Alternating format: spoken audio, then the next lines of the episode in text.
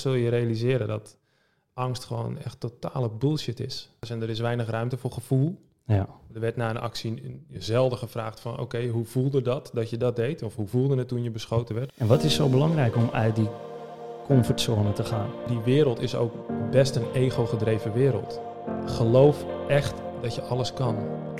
Welkom op Inspiratie bij mijntips.nl. Mijn naam is Jan Dekker en tof dat je luistert naar deze podcast. Vandaag ben ik op inspiratie bij Niels Roest, die deze uitzending gaat vertellen over Special Forces technieken die jij in dagelijkse leven kunt gebruiken.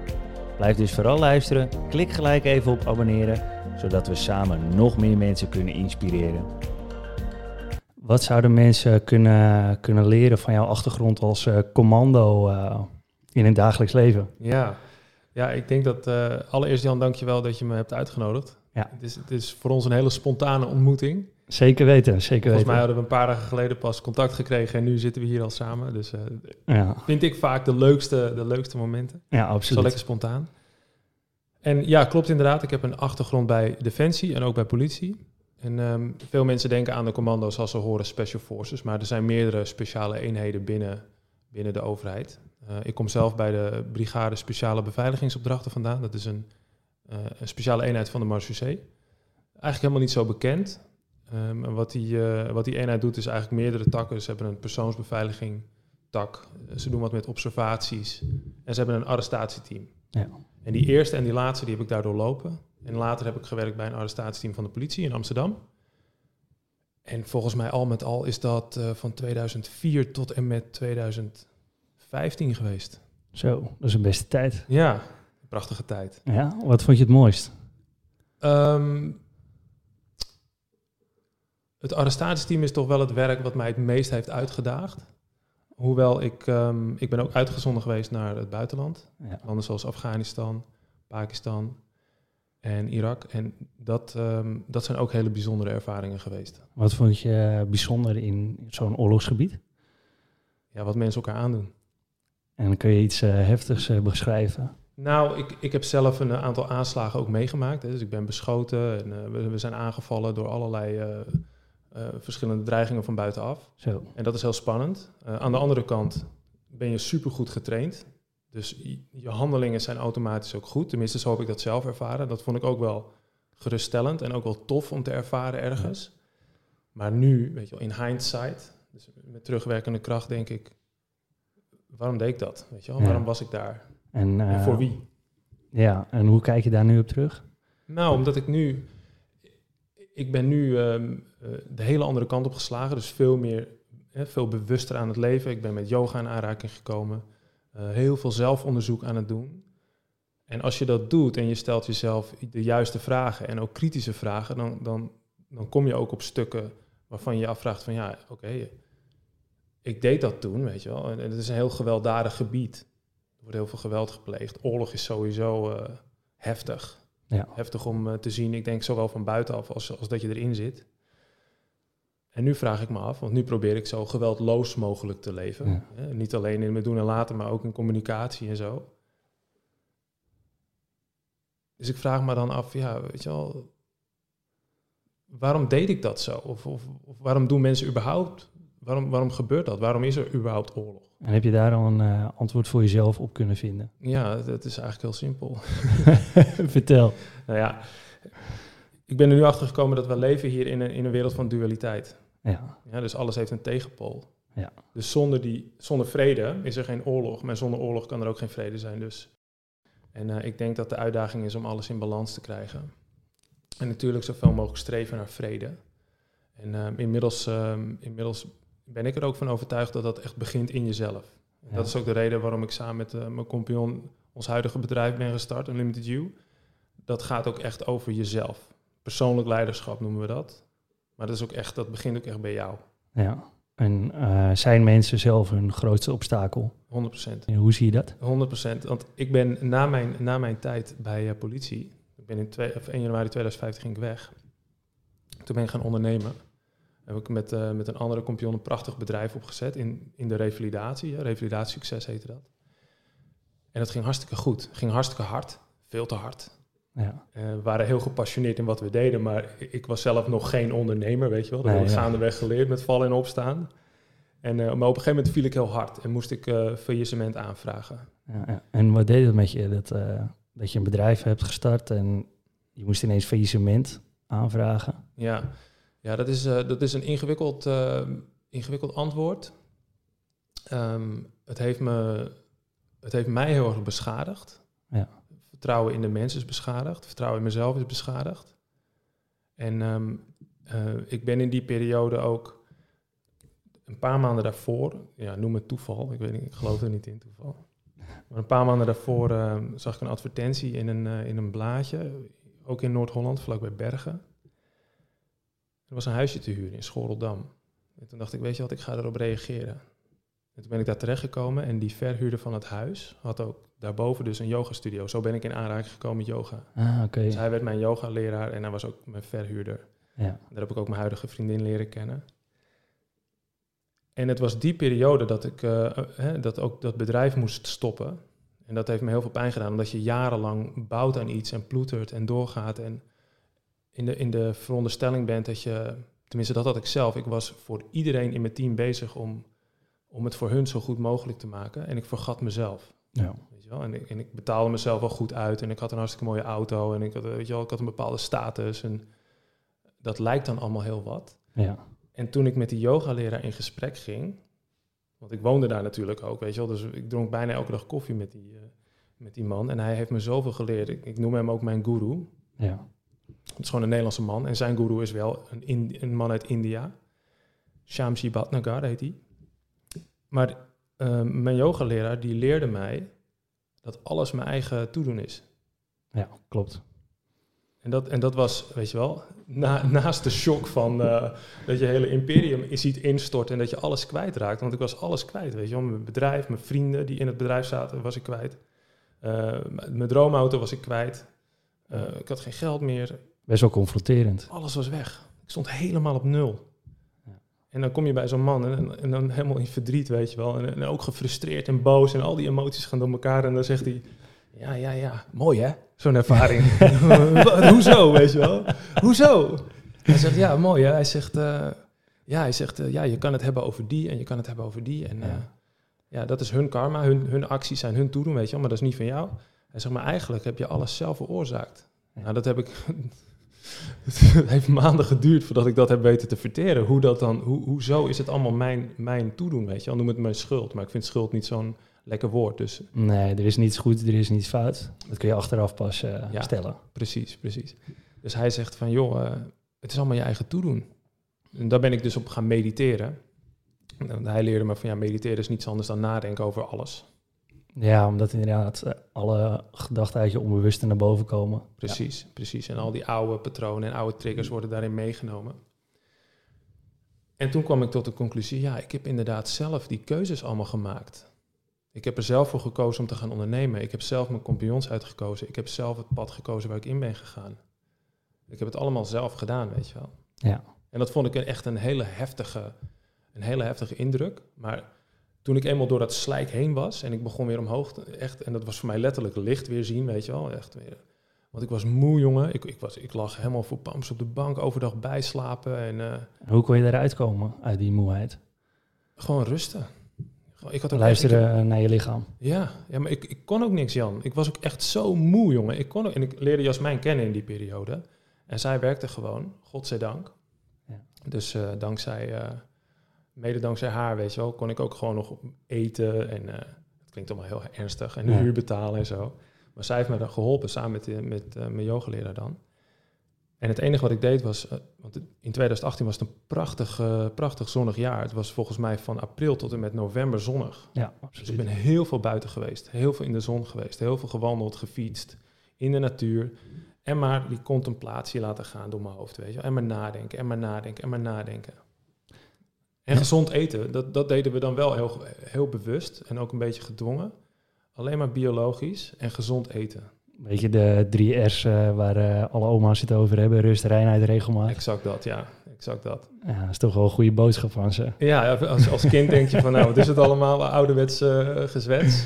Ja, klopt. En Ze hebben gelijk. Heb je, heb je dat nu nog steeds, die uh, rust, reinheid, regelmaat? Of spring je af en toe nog wel eens uit de band uh, met een, uh, een biertje of een, iets anders? Ja, toen ik, toen ik begon met yoga, ik ben een type, ik duik er helemaal in. Dus ik ga er 100% voor. Dus dan, ga, dan, dan doe en laat ik ook alles wat er voor nodig is.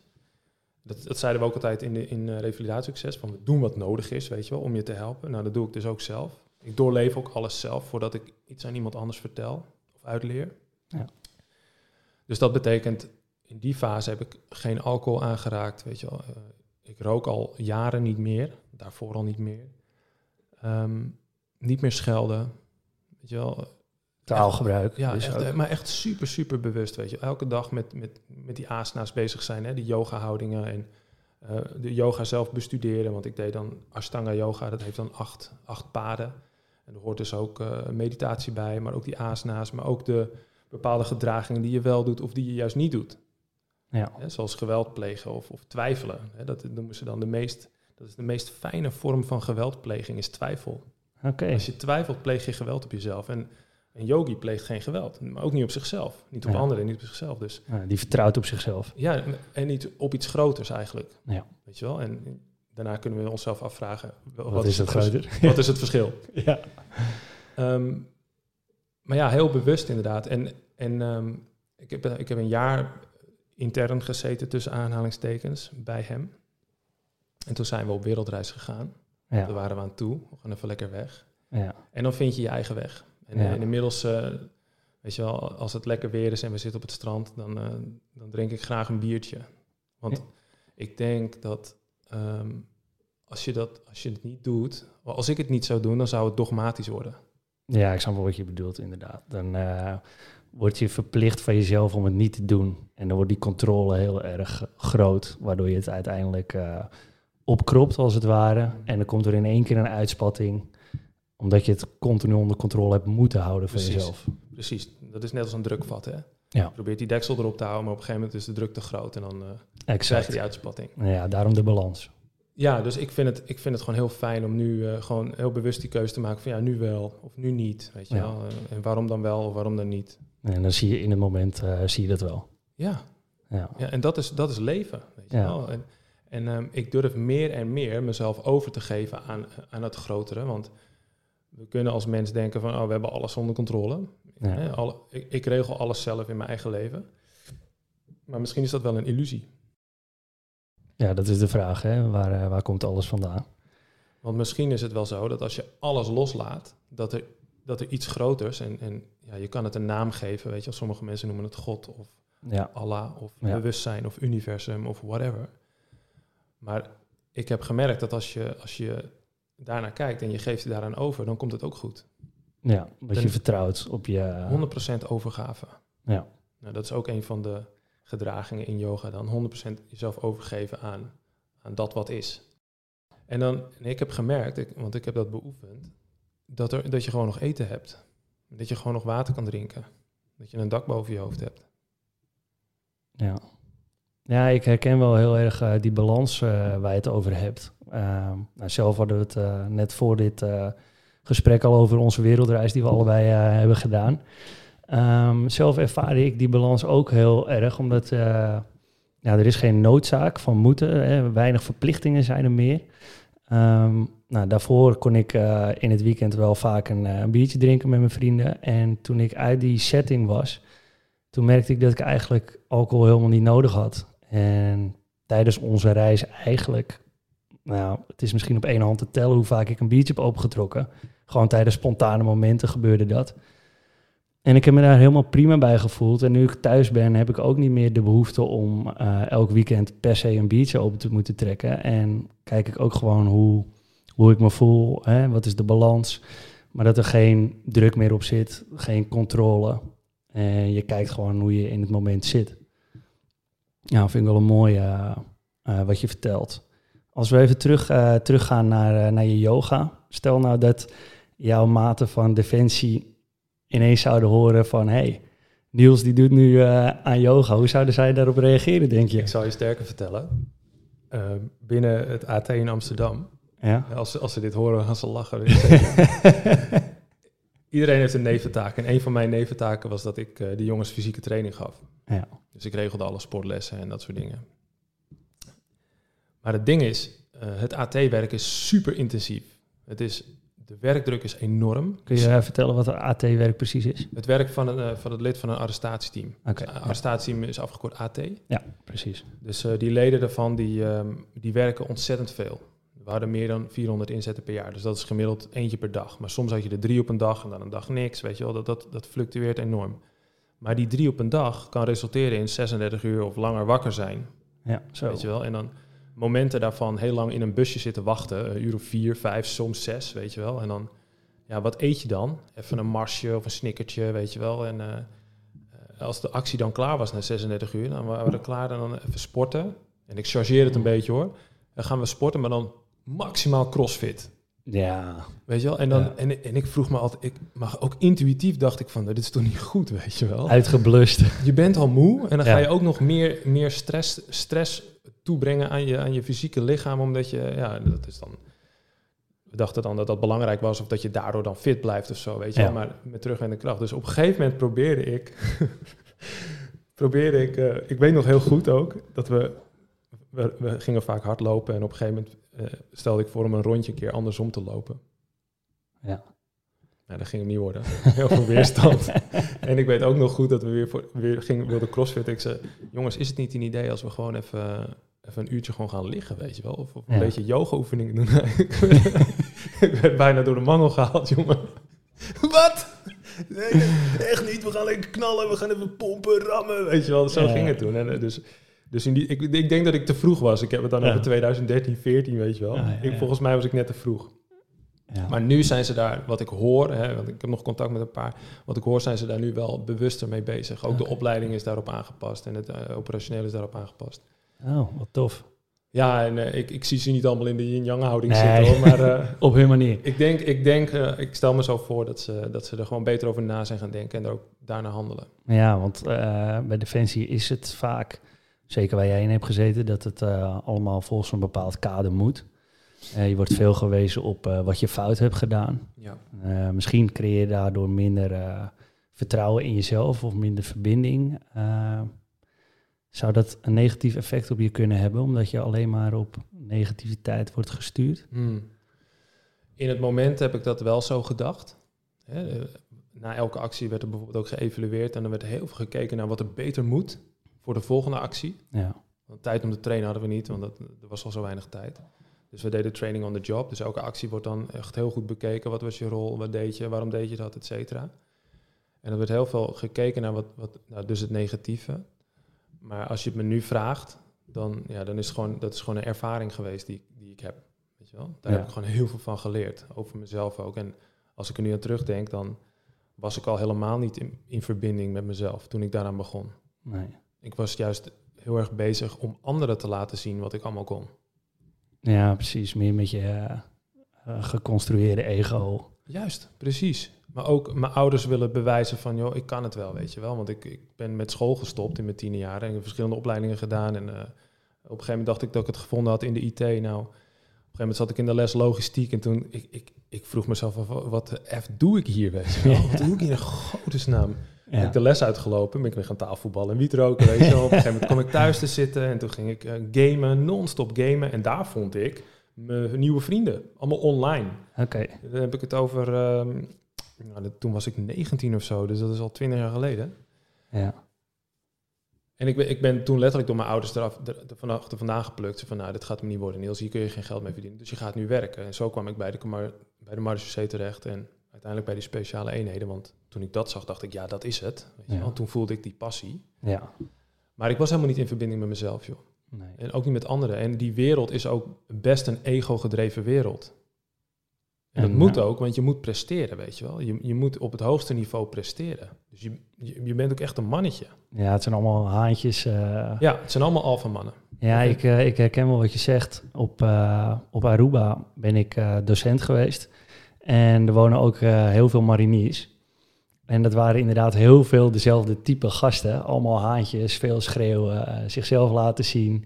Eh, ik moet zeggen, er waren wel wat uitzonderingen waar je echt... nou ja, soms wel de diepte mee in kon gaan. Want over het algemeen bleef het vrij, oppervlakkig. Dus ik vond het wel een, een toffe, toffe ervaring om even goed het onderscheid te kunnen zien dat niet iedereen precies zo is. Hoe heb je dat zelf ervaren? Vind ik lastig om daar antwoord op te geven, want het is een, misschien een bepaald type mens of het is juist het, het, het ego, weet je wel. Nou, het ego is heel erg van het presteren en status en er is weinig ruimte voor gevoel. Ja. Er werd na een actie zelden gevraagd van, oké, hoe voelde dat dat je dat deed? Of hoe voelde het toen je beschoten werd? Of hoe voelde het toen je Ja. een klap kreeg of een klap uitdeelde of whatever? Dat, dat is er niet, weet je wel. Nee, dus daar zal wel nog wat winst op te behalen kunnen zijn.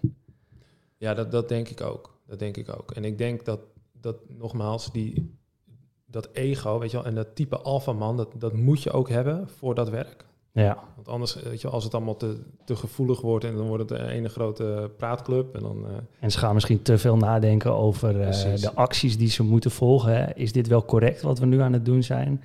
Is diegene echt zo slecht? Of wordt het maar aangepraat? Ja, als je, daar, als je die weg op, als je die kant op gaat, dan denk ik dat je gauw eh Ja, ontslag neemt.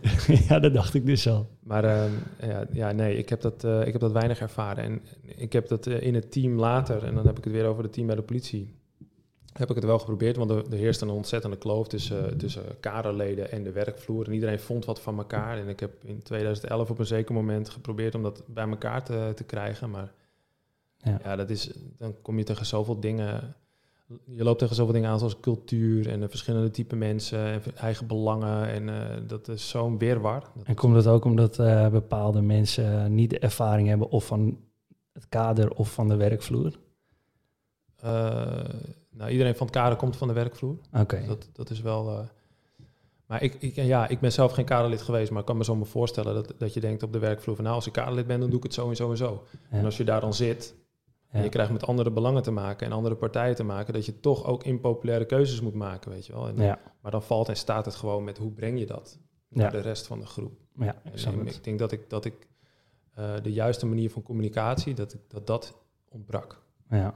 En Want als, als dat ontbreekt, is er ook geen begrip. En als dat er niet is, is er geen acceptatie. En als dat er niet is, dan heb je een angstcultuur. ja. En daarom is het misschien ook echt een, eh, een top-down cultuur van zo moet het. Oh, en Ja. zo gaan we het doen. Ja, het is heel hiërarchisch, ja. En wat zijn de dingen die je wel hebt meegenomen van eh, bijvoorbeeld de Special Forces? Dat je denkt van, ah, hier heb ik echt wat aan gehad en dit steek ik ook in met bedrijf. Uit mijn comfortzone, zo ga je om met angsten. Ja. Wat, wat, wat zou je daar meer over kunnen vertellen? Ja, dat is een mooie wat je nu zegt. Want de combinatie van door je angst heen gaan als, als lid van een speciale eenheid, hè, plus yoga. Want met yoga leer je dat eigenlijk alles in jezelf zit. Dus als je angst voelt, dan is dat ook, dat bestaat niet buiten jezelf, dat zit in je. Ja. Dus, dus wat ik mee heb genomen is doortastend optreden. Altijd doortastend zijn, weet je wel. En domineren op de momenten dat het kan of moet. En dan de manier waarop, weet je wel, dat kan heel erg eh alfa zijn, maar dat kan ook juist in die underdog-rol zijn. Ja. Gewoon om, om je doel te bereiken. Dat heb ik meegenomen. Creatief denken. Het lijkt, weet je wel, je kan, je kan het zien eh, als heel hiërarchisch, waarbij die top-down approach wordt toegepast en, en wordt gezegd van zo gaan we het doen. Maar ik heb meer ervaren binnen de clubjes van speciale eenheden van oké, dit is je opdracht. Voer het uit, weet je wel. En je mag, Ja. jij mag zien hoe. Ja. En dan, daar word je heel creatief van. Dus Ja. creativiteit heb ik ook meegenomen. Nou, initiatief nemen heb ik meegenomen. Hoe samenwerking, dat is echt eh, een communicatie daarin. Rode draad. Ja. Dat zijn, dat zijn voor mij hele belangrijke aspecten die ik heb meegenomen in mijn eigen leven. En die wij nu ook in het bedrijf eh, ja, doorborduren, zo gezegd. En hoe integreer je die communicatie in eh, jouw bedrijf, zeg maar? Nou, wat ze, wat ze bij ons komen doen, als, je, als ze bij ons komen trainen, dan, hè, dan gaat het over persoonlijk leiderschapontwikkeling bijvoorbeeld. En dan zijn ze een dag lang lid van een speciale eenheid. Dus ze krijgen allemaal hetzelfde tenue aan en een helm op en eh, een koppeltje om en een brilletje op ter bescherming. En dan, dan zetten wij ze in bepaalde scenario's nadat we een aantal dingen hebben aangeleerd. Dus ze leren bij ons een paar vaardigheden aan, heel simpel, heel bazaal, weet je wel, en daar kun je al heel veel uithalen. Ja. Maar daarna zetten we ze in een scenario. Dan doen ze eerst in hun eentje, dan met tweeën en dan die groep wordt steeds groter. Maar als die groep steeds groter wordt, zul je dus ook goed moeten communiceren. Onder stress. Ja. Dus, dus het is een onbekende situatie. Je werkt met onbekende mensen.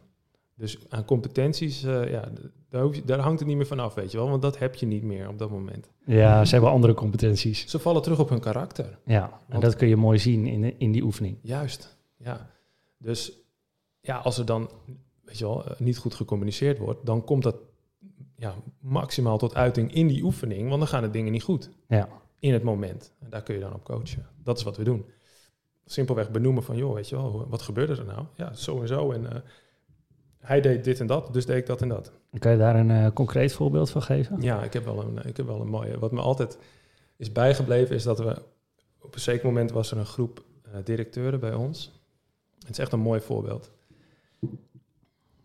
En zij gaan met z'n allen. eh, hè, we, we hebben drie forten ter beschikking om die oefeningen te doen. Dus eh, op een gegeven moment waren we bij een fort waarbij we ook echt levendige scenario's draaien. Dus moet je je voorstellen met rook en knallen en geluiden en levende oefenverdachten en zo. En dan is, het, dan is, dan is er bijvoorbeeld een, een overval gaande, wat ze moeten oplossen. En dan gaan ze met z'n allen naar binnen. En op een gegeven moment ziet een van die mannen ziet de verdachte aan het einde van een lange tunnel staan. En die verdachte die schiet op ze en daarna eh, keert hij om de hoek om. Verdwijnt hij dus uit beeld.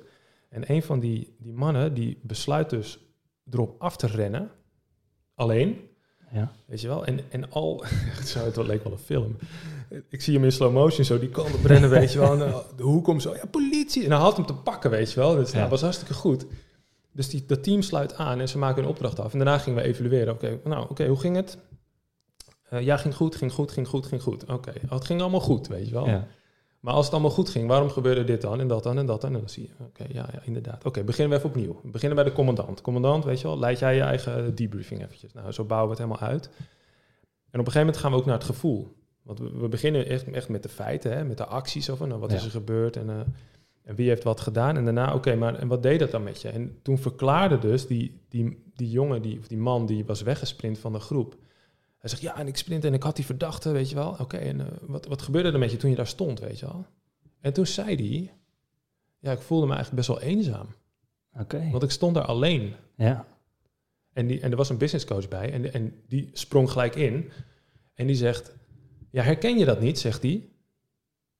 Dus hij- ja, dan zie je ze nadenken, weet je, want dat is het mooie, weet je wel. De meditatie, daar gaan ze, hè, van oh shit, ja, hoe moet het? Herken je dat niet? Dat heb je in je bedrijf ook. Ja. Als, jij, als jij een visie hebt en je, en, je, en je gaat ervoor, en je neemt een beslissing en je gaat ervoor, maar je vergeet je managementteam te informeren. Ja, In je bedrijf voel je je ook eenzaam, heb je aangegeven. Hè? Want ze zitten in zo'n traject met die business coach. Dus, en dan zie je hem echt zo van, ja, fuck ja, inderdaad ja. En daar komt het dan to- tot uiting. En dan ook nog eerst zeggen van, ja, jongens, jullie sloten niet aan bij mij, weet je wel. Ja, en al die jongens die staan zo van, weet je, doordat jij wegrende van ons, weet je wel, zo. Oh ja, mm, ja, ja.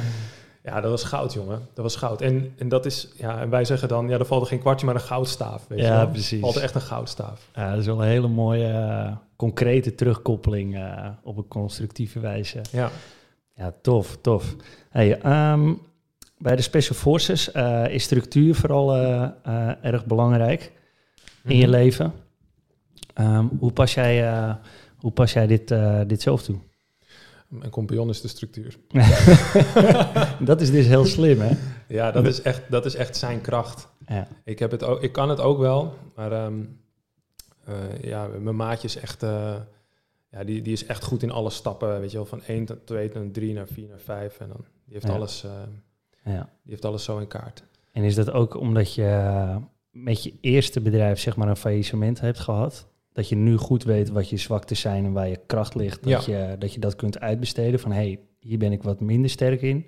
Zou jij dit op je kunnen nemen? Klopt, ja.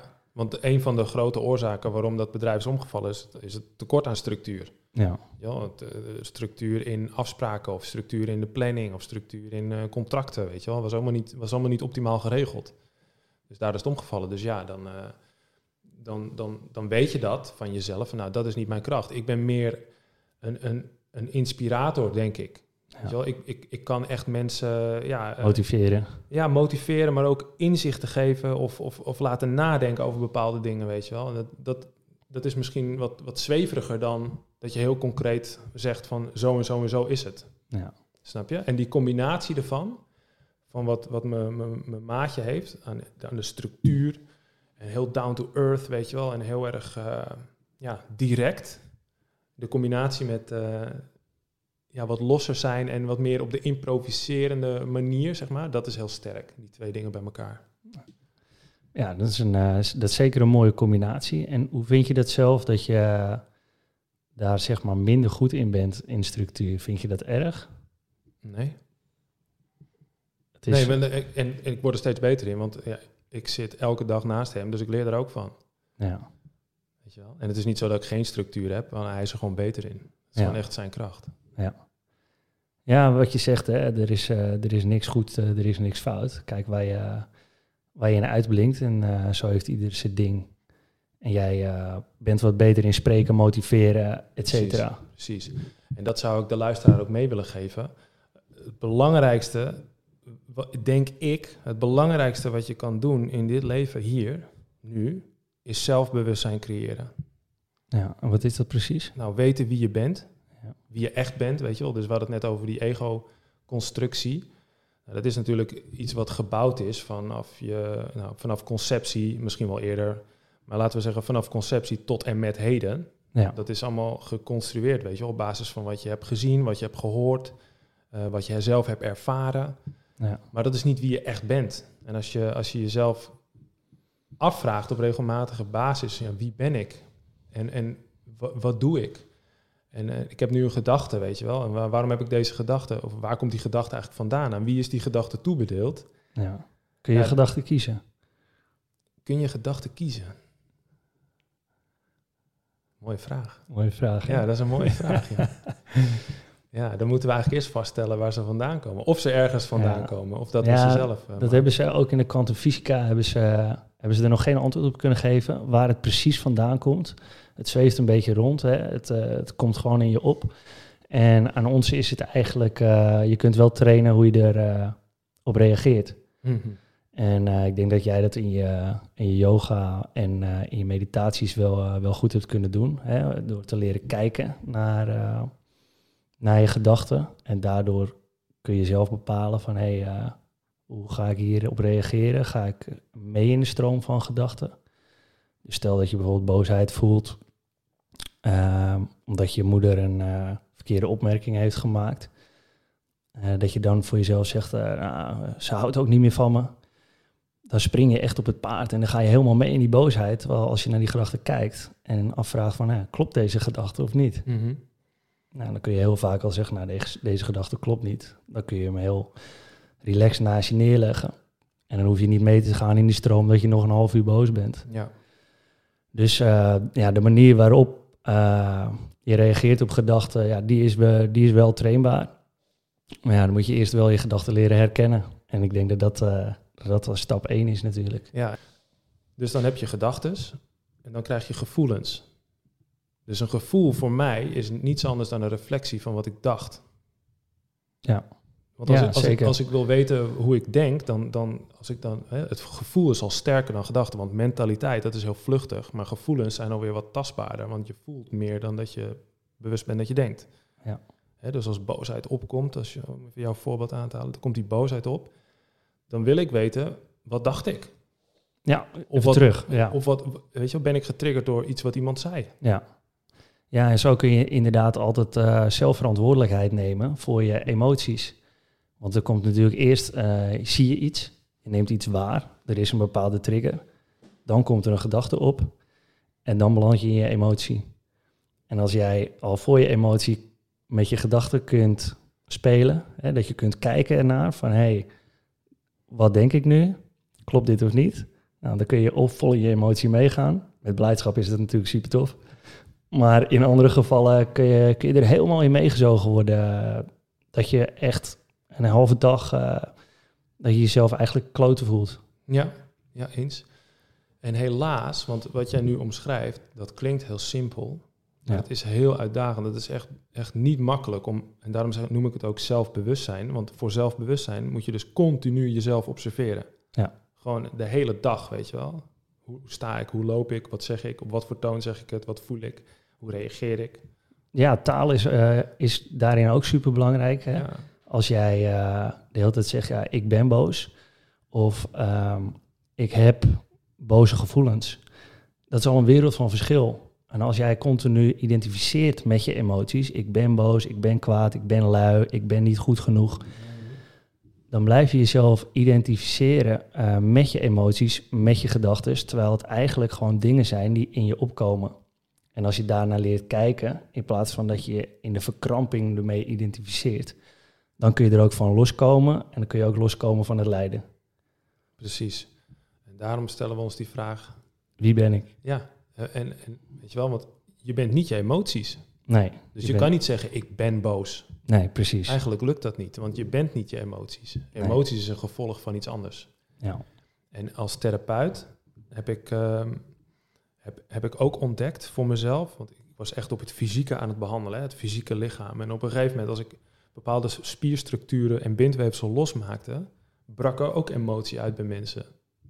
Dus toen, toen had ik voor mezelf de relatie gelegd van, oh wacht even, dus het fysieke en het emotionele is aan elkaar verbonden, want het lichaam slaat dus letterlijk informatie op.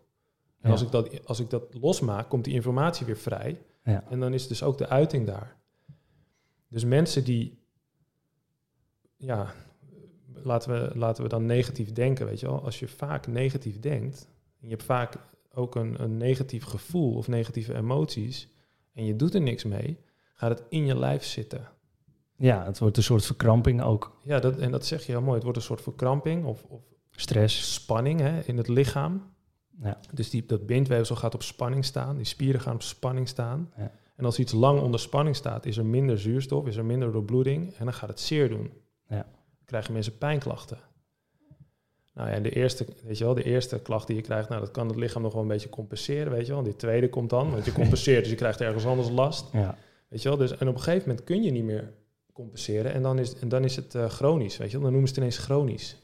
Ja, je hebt chronisch last, want je hebt altijd pijn. En een hele grote bron van inspiratie voor mij hierin is geweest Dr. Joe Dispenza. Oké, ja. ja, ik heb toevallig een boek van hem gelezen. Ja, dat is echt, was voor mij ook zo'n eye-opener. Eigenlijk een bron of een feest van herkenning. Dat ik dacht van, ah, eindelijk iemand die het, het, het, spirituele en het zweverige kan vertalen naar, ja. naar wetenschap. Ja. Letterlijk met, met allerlei hormonen en neuronen gewoon kan uitleggen van nou zo werkt het in je lichaam en daarom voel je zo. En als je dus anders gaat denken en je gaat affirmeren of declareren of wat je dan ook zegt tegen jezelf of denkt over jezelf, dan kun je echt door veranderen. Ja, dat vind ik inderdaad ook wel fijn. Hè? Dat er steeds meer bekend wordt uh, vanuit de spiritualiteit en wetenschap. En dat het uiteindelijk toch uh, samenkomt dat er heel veel hetzelfde is. Uh, dat daar steeds meer over bekend wordt. Ja, ik denk dat dat voor iedereen wel goed is, want dan wordt het ook minder zweverig. En dat is voor mezelf ook zoiets. Uh, ik wil ook graag heel veel op wetenschappelijk niveau uitgelegd hebben. Dus ik ga niet overal, uh, overal zomaar in mee. Mm -hmm. um, maar in de spiritualiteit dan kun je door ervaring kun je ook dingen nou, ervaren, zeg maar. En daardoor weet je dat het klopt voor jezelf. En dat is prima als het goed voelt, voelt het goed. En dan kan iemand anders wel zeggen, nee, het werkt niet zo. En soms is dat niet wetenschappelijk uit te leggen. Maar ik vind het wel fijn dat er nu steeds meer wetenschappelijke onderbouwing komt. Ik kan me voorstellen, ja. Ja, en zeker ook als je dat uh, naar andere mensen moet gaan uitleggen waarom je het doet zoals je doet. Nou ja, je moet natuurlijk niks. Maar uh, ja, het kan andere mensen ook uh, bepaalde inzichten geven. Want iedereen heeft natuurlijk zijn eigen waarheid. Eigen waarheid, eigen leertempo. En als je het mij vraagt, is er uiteindelijk maar één absolute waarheid. En dat is wat ze noemen God of bewustzijn of het universum. Of, of mensen die het echt begrijpen, die zeggen zelfs van er is geen naam voor.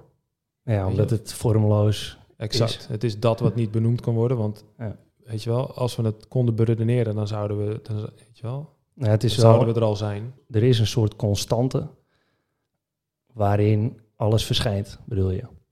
Ja, Ja. dat staat stil. Weet je wel? En alles daaromheen beweegt. Ik, Ja. ik, ik, ik, maak, ik gebruik wel eens de analogie van een wiel met een as, weet je wel. Als je dat ziet gaan, het gaat voorbij, de as staat stil, maar het wiel daaromheen draait. Ja. Of bijvoorbeeld een wervelstorm, weet je wel. Het hart van de storm, dat oog, daar is het heel rustig. Weet je wel, daar heb je niet eens door dat het stormt. Maar als je een stap naar opzij doet, of een paar stappen opzij doet, dan sta je midden in de storm. ja.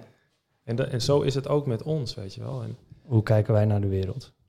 ja, Ja, ik denk dat dat, eh, dat dat inderdaad een mooie is. Hoe kijken wij naar de wereld? Want iedereen die heeft zijn eigen perceptie. Iedereen is anders opgevoed, hè, heeft een ander DNA. Ehm, alles heeft met elkaar te maken. In welke omgeving groei jij op? Dat bepaalt voor een heel groot gedeelte uh, hoe jij naar de wereld kijkt. Want iedereen heeft wel een bepaalde blauwdruk als DNA. Alleen daarna moet je gaan kijken, hè, uh, wordt het getriggerd of wordt het niet getriggerd? En dat is hoe jij je gaat ontwikkelen als mens. En zeker de kindertijd is daar heel erg belangrijk in, tot een jaar of zeven. Waarin je aangeleerde patronen allemaal uh, leert en waar je altijd op terugvalt. Hè. Uh, dat is denk ik ook een van de redenen waarom we ons zo graag uh, nou, niet willen bewijzen, maar wel altijd goed willen voelen en eerst iets moeten doen om ons goed te voelen. Dat je na een dag, als je niks productiefs hebt gedaan, dat je je toch een soort van waardeloos voelt. Hè, dat kon ik voorheen nog wel eens hebben. Maar nu kun je veel beter naar jezelf kijken dat je eigenlijk al goed bent zoals je bent. En dat er geen extra druk op ligt dat je per se iets hoeft te doen. En doordat je al blij bent met jezelf, ontstaat er juist veel meer creativiteit en wil je juist veel meer doen. Dus ik denk dat dat wel een, uh, een mooie les is. En misschien is het wel zo dat hoe meer je uh, ontspant in die zin, dus, dus minder van alles willen. Ja. Want, want, zoals ik er naar kijk, is dat allemaal ego. Het ego wil, het ego ja. vindt, weet je wel, het ego moet. Ja. Maar eh, alles daarnaast, weet je wel, het goddelijke hoeft niks, moet niks, weet je wel. Het, dat, dat ontstaat gewoon, dat groeit en bloeit, weet je wel. Ja. Een boom, die zit ook niet uh, de hele dag van, ja, ik moet nu appels maken, weet je wel. Nee, dat, dat gebeurt gewoon een keer.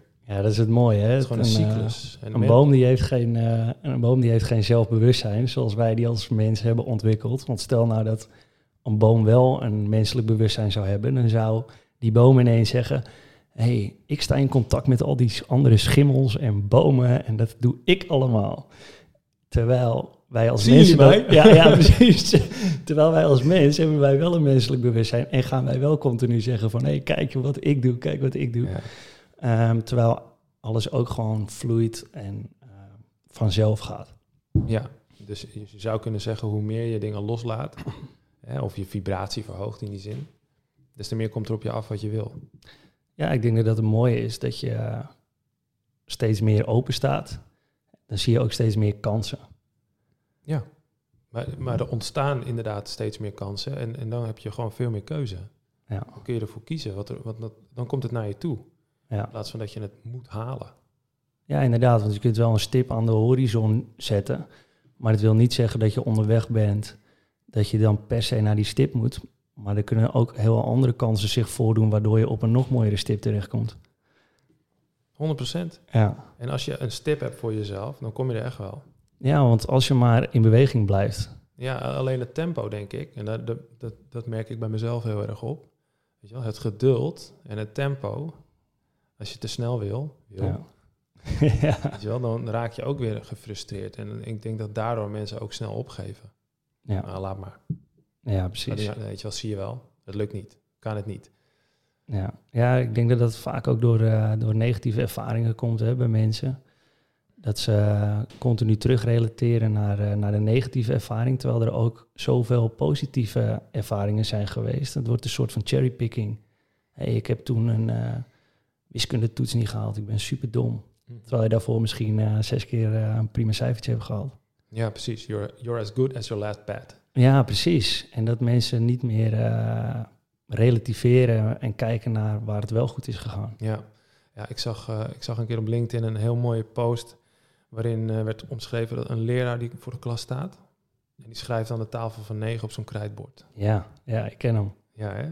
En een, een van die tafels schrijft hij dus verkeerd op. En al die kinderen lachen hem uit. Je schrijft het verkeerd op. Ja. Je, oh, is zo cool. Ja. En dan zegt hij heel terecht van jongens, jullie zien die ene fout, maar die andere negen die ik wel goed heb, die zien jullie niet. Daar zeggen jullie niks over. En, en daar krijg je kippenvel van, weet je wel. En dat is echt hoe we zijn als mens, toch? Ja, De klopt. meeste mensen zijn echt zo, hè. We zijn zo gefocust op, op het negatieve, maar waarom? Ja, dat komt toch uit, uh, uit de oertijd. Hè. Toen, uh, toen moesten wij uh, continu aanstaan, onze focus hebben. Komt er straks een grote predator die me op wil eten als een leeuw of een ander gevaarlijk beest. En daardoor sta je heel erg aan, in die tijd tenminste. En daardoor focust je brein zeg maar heel erg op het negatieve. En dat is nu ook waarom het nieuws het eh, heel veel negatiefs brengt. Ehm, omdat wij daar continu op geprikkeld worden. Het, het, het, het vraagt onze aandacht en, en dat werkt. En aan ons is het om, eh, om te trainen om toch weer eh, meer positiviteit te creëren. Door bijvoorbeeld uh, s'avonds voor het slapen gaan drie positieve dingen tegen jezelf te zeggen. Ik bedoel, dan, dan ga je gedurende de volgende dagen ga je ook steeds meer positieve dingen opvallen. In plaats van dat je negatief het nieuws alleen maar leest, bijvoorbeeld. Mm Vraag ik me af of al die nieuwslezers nog in de oertijd leven. ja, journalisten. ja, het vervelende is natuurlijk dat uh, ons brein uh, is niet zo, uh, zo snel ontwikkeld als de technologie allemaal. Dus ons brein staat nog wel redelijk vanuit de oertijd. En daarom, daarom zijn we ook zo gefocust op negatief nieuws en scoort dat ook, ook zo erg. Misschien dat wij hier met deze podcast een klein beetje verandering in kunnen brengen. Wat positiviteit, wat voor mensen te leren. Ja, ik hoop het echt. Ik hoop het echt. Ja, ik denk dat ze sowieso wel uh, mooie inzichten hebben gekregen. Zeker uh, door jouw verhaal te vertellen. Ik vind het toch wel knap uh, hoe je vanuit de Special Forces helemaal je eigen weg hebt bewandeld. En ook open en bloot gewoon je eer eerlijke verhaal vertelt. Ook, ik denk dat sommigen misschien zoiets hebben van ja, hij doet eerst de Special Forces en nu vertelt hij over spiritualiteit, uh, vertelt hij over zijn angsten, is heel kwetsbaar. En ik denk dat je daarin zeker een, uh, een voorbeeld bent voor veel mensen. Oh, dankjewel man. Ja. Dat vind ik heel mooi, uh, mooi om te horen. Dat, dat, geeft me een warm gevoel. En um, dat is niet een makkelijke reis geweest. Weet je, dat, dat, dat kan ik er nog wel bij zeggen. En dat wil ik ook mensen meegeven. Dat aan, het, aan de andere kant van alle angsten of alle beperkende overtuigingen of de negativiteit. Daarachter zit de magie. Ja. Dus je moet er doorheen. En wat is zo belangrijk om uit die comfortzone te gaan? Dan, dan ga je er doorheen. Ja. Weet je wel, eh, een koude bad is bijvoorbeeld zo'n mooi voorbeeld, weet je wel. Want je denkt eerst van, nou, dat, dat, dat, dat ga ik niet redden, man. Hoe, hoe ga ik in godsnaam in een nul graden water of, of ja. iets boven nul, ijskoud water hoe ga ik daar drie minuten in zitten? Maar als je het doet en je komt eruit, heb je de ervaring en dan weet je het, weet je wel. Of um, we hadden laatst een, uh, een ROC bij ons. Dus ROC uit, uh, uit Purmerend. Ah ja, ja, ik ken hem. En dat zijn leerlingen die bereiden zich voor op een carrière bij Defensie of bij een ander overheidsorgaan. En sommige van die leerlingen die zetten wij dan in een positie dat ze een verdachte moeten aanhouden of zo. En er zijn er dan bij, die geven het halverwege op, weet je wel. Dus die beginnen heel overtuigd van ja, ik ga het doen. En boem, die rennen die kamer in, die deur gaat open, boem, die gaan naar binnen. En halverwege draaien ze om en zeggen ze van nee, ik stop, ik stop, ik, ik, kan, ik, doe, ik, ik wil dit niet, ik kan het niet. Nee, nee, ik wil naar buiten, ik wil stoppen, ik wil stoppen. Een beetje paniek. Ja. Oké, stop maar. En dan gaan we weg en dan gaat iemand anders. En dan op een gegeven moment kwam die persoon weer terug. Ja, ik wil het toch doen. Nou, mooi, weet je wel, dan gaan we het doen.